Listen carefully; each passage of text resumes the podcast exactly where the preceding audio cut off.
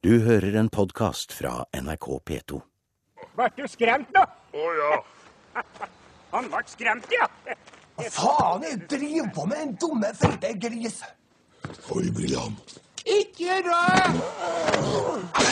Og vinnerkupongen er solgt i Nord-Trøndelag. Verdalen. I Nord-Trøndelag. Verdalen. Raringer på barne-TV og i barnefilmer har ofte trønderdialekt. De engasjerte og voldsomme er fra Bergen, mens østlendinger blir ansett som de mest seriøse TV-figurene. Det kunne vi lese om i Adresseavisen i dag. Kristin Melum Eide, professor i nordisk språkvitenskap ved NTNU. Hvorfor er det slik at trønderne alltid blir fremstilt som litt rare på film? Jeg tror det er fordi at østlendinger, som er liksom normalnordmann, sånn som det fremstilles i media. Han har kjennskap til flatbygden på Østlandet, og der er folk trege og bonåt, hvis de snakker flatbygdsdialekt. Bonåt? Ja, bonåt. Men uh, trøndere er jo bonåt, men vi er litt mer sånn uprediktabel og litt mer sånn uh, eksotisk, tror jeg, for østlendinger. Vil du, vil du si at trønderne kommer dårlig ut, eller er det greit? Uh, vi kommer jo vel kanskje ikke så forferdelig bra ut. I hvert fall ikke i Otto Jespersen sin karikaturer, tror jeg. Og likeens en del av dette Åpen Post og Bård Harald og dette her. Er det verre hvis det er sånn på barne-TV? Uh, det jeg har lyst til å si om barne-TV, det er at det er forferdelig bra at unger blir utsatt for flest mulig dialekter. Fordi at det øker deres toleranse generelt sett, og det er ekstremt bra for hjernen deres å bli utsatt for språk. Både pga. språkforståelse, men vi vet òg at det her beskytter hjernen deres mot Alzheimer f.eks., kognitiv svikt senere i livet. Men du skulle gjerne sett at noen trøndere også ble fremstilt som smartinger? Ja, så hvorfor kunne ikke være helten og hovedperson? Det kunne vi godt ha ønska oss. Nils Stokke, redaktør for NRK Super, barnekanalen her på NRK. Burde ikke trøndere også få lov til å fremstå som raske og smarte? Jo, jeg tror nok trøndere er både raske og smarte. Uh, Nå snakker jeg om sånn som de fremstilles, altså ikke hvordan de er.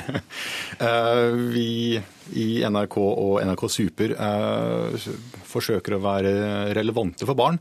Og Det innebærer at vi ønsker å vise barn flest, best mulig mangfold.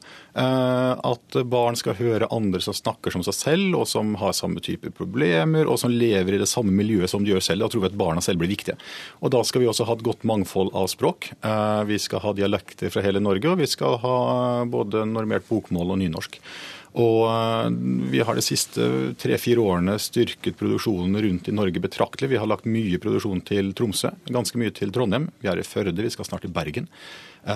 Nettopp derfor at vi skal ha det mangfoldet, og at barna skal høre den type, eller mer enn bare tradisjonelt østlandsmål i vanlig program. Men hvorfor er det slik at noen dialekter da blir brukt mer stereotypt enn andre? Jeg kan jo bare snakke fra NRKs side. Jeg kjenner meg ikke helt igjen i det. Det er mulig at noen filmer gjør ganske noen typecasting. Men vi gjør det ikke på stemmer. Vi typecaster nok litt på univers. Vi hadde alle barna Bakkebyggerne her forleden som vi dubbet til norsk. Den er jo svensk serie opprinnelig, som vi la til Solør. For miljøet er ganske likt det miljøet som som den svenske serien er. Og vi har en annen serie som er en animert surfeserie, som er lagt til kun Stavanger-dialekt, for de har veldig stort surfemiljø der. Så vi tror nok på typekastet sånn i forhold til miljø, men ikke på karakter. Og vi har men da, men da blir det jo litt sånn at der det handler om det rurale, så blir det litt sånn rural hedmarksdialekt, og der hvor det skal være litt snappy og kult, så blir det noe annet? Jo, men vi har nok I de fleste seriene så prøver forsøker å få det mangfoldet hvor læreren altså Sånn som barna har det i dagligverden. Altså Læreren er fra Stavanger, faren er fra Bergen, bestevenninnen kommer fra Tromsø. Og det mangfoldet gjør vi også i dubbing på, på lufta. Eide, hvordan påvirker det barn dersom de stadig vekk hører trøndere som raringer eller bergensere som breiale? Altså, Unger er jo enormt gode både til å oppfatte språk og språkstrukturer, og, og det som blir assosiert med, med, det språket. Så det er klart at uh, Hvis man går nøye inn i her og forsker på det her, så er det sikkert uh, Man kunne ønske seg at det var litt mer uh, mangfold i heltetypene. Men, men, når det er sagt, så tenker jeg det at det er ikke bare filmer. Og det er ikke bare NRK Super som eh, har med denne saken å gjøre. fordi at folk leser til ungene sine fra bøker. Da er det stort sett eh, på normert østlandsk de leser. Så unger lærer seg å knytte kos og hygge og, og nærhet til positiv, og positive opplevelser til en bestemt dialekt. Så det er jo en annen ting. Men, men, men er det slik at, at barn som blir utsatt for flere dialekter, blir mer tolerante? Ja, de blir det. Altså, det er ikke bare at de blir mer tolerante overfor ulike måter å snakke på, men de blir flinkere til å avkode språk. Så de har større toleranse for at en, at en R kan høres ut som en rulle-R eller skarre-R eller hva det måtte være. Og de blir òg flinkere til å forstå svensk og dansk og annet språk.